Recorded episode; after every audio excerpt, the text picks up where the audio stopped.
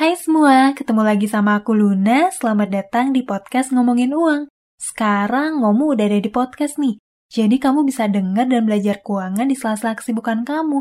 Atau sekalian nemenin kamu sebelum kamu tidur. Oh iya, buat kamu gitu ya yang kepikiran pengen bikin podcast juga. Cobain deh, bikin podcastnya pakai Anchor. Jadi dengan upload di satu platform Anchor doang, rekaman podcast kamu tuh langsung terdistribusi ke Spotify, iTunes, Google Podcast, dan lain-lain.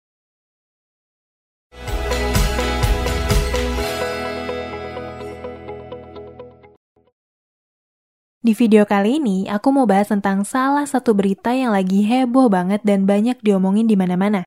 Berita tersebut tentang skandal keuangan yang dialami salah satu perusahaan BUMN, yaitu Jiwasraya.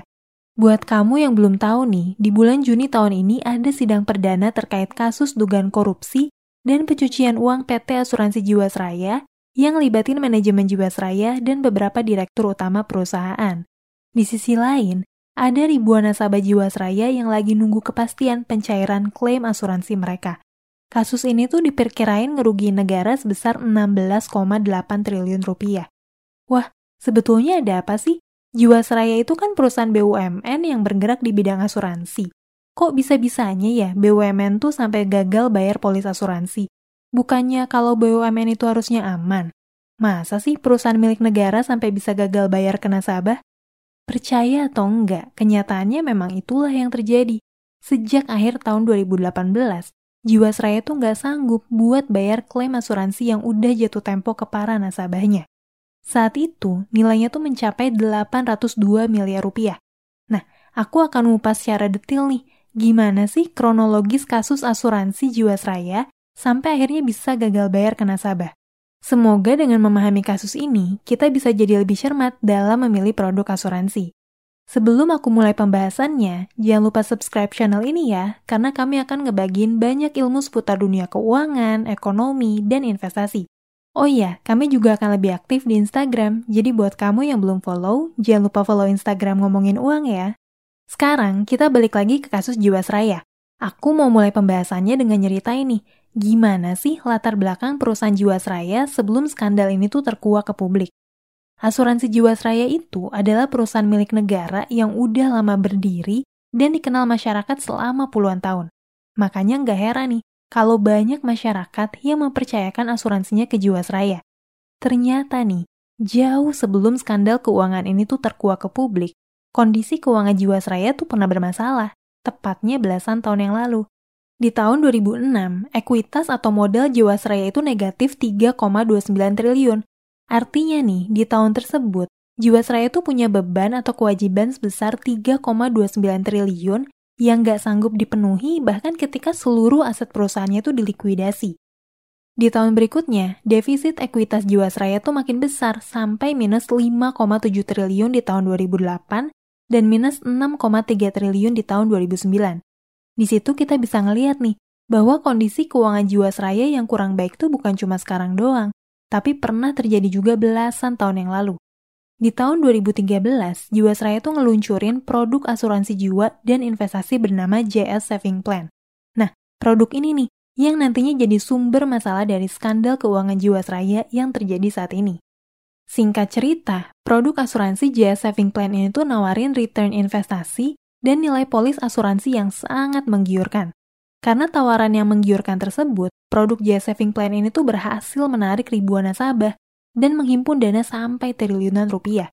Produk ini tuh jadi salah satu produk unggulan dari Jiwasraya. Tapi tiba-tiba, di akhir tahun 2018, Jiwasraya tuh ngumumin kalau mereka nggak sanggup bayar kewajiban polis produk Jaya Saving Plan yang jatuh tempo. Nilainya tuh mencapai 802 miliar rupiah. Tentu aja nih, ini tuh sangat mengagetkan banyak pihak, terutama para nasabah yang punya produk asuransi JS Saving Plan tersebut. Jiwasraya, yang notabene dikenal sebagai perusahaan BUMN yang besar tuh malah gagal buat memenuhi kewajibannya kepada nasabah. Setelah ditelusuri lebih lanjut, ternyata aset Jiwasraya saat itu tuh cuma sebesar 23,26 triliun. Sementara total kewajibannya tuh sebesar 50,5 triliun. Artinya nih, ekuitas Jiwasraya itu negatif sebesar 27,24 triliun. kewajiban Jiwasraya terhadap nasabah JS Saving Plan itu sendiri adalah sebesar 15,75 triliun. Sejarah terulang, ekuitas Jiwasraya negatif lagi. Hal ini tuh jadi berita yang heboh banget di media selama satu setengah tahun terakhir. Nah, mungkin kamu bertanya-tanya, masalahnya ada di mana sih? Kenapa Jiwasraya bisa gagal bayar polis asuransi? Dan kenapa ekuitasnya tuh bisa sampai negatif lagi? Akar masalahnya ada di pengelolaan aset investasi Jiwasraya, khususnya yang berkaitan dengan produk JS Saving Plan. Jadi gini, JS Saving Plan itu adalah produk asuransi jiwa dan investasi, yang artinya para nasabah tuh bakal dapetin manfaat proteksi jiwa sekaligus keuntungan investasi. Jiwasraya tuh kerjasama nih dengan banyak bank buat nawarin produk ini.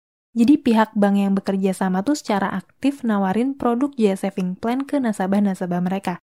Produk ini sendiri tuh ngewajibin nasabah buat bayar premi sebesar 100 juta sampai 5 miliar rupiah di muka. Jadi bentuk pembayarannya tuh kontan dalam jumlah besar, bukan iuran tiap bulan.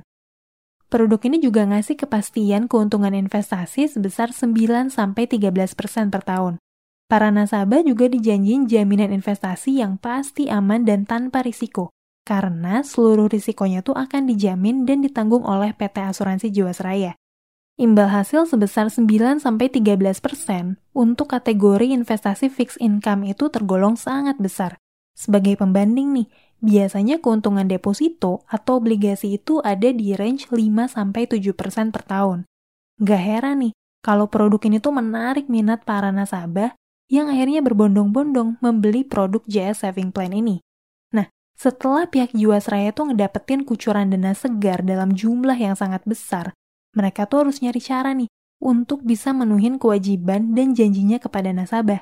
Yang pasti, mereka tuh harus bisa memutar uang tersebut di sektor-sektor produktif supaya hasil perputaran uangnya tuh bisa melampaui kewajiban Jiwasraya kepada nasabah.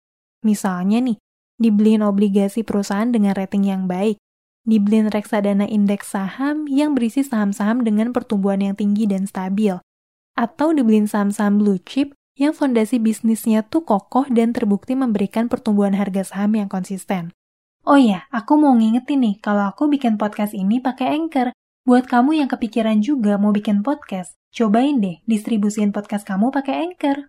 Kenyataannya justru sebaliknya nih. Dana kelolaan para nasabah Jaya Saving Plan ini malah dialokasin ke saham-saham perusahaan yang punya fluktuasi harga saham dan risiko investasi yang sangat tinggi. Kenapa sih Jiwasraya malah alokasin uangnya ke saham-saham yang punya fluktuasi harga yang sangat tinggi?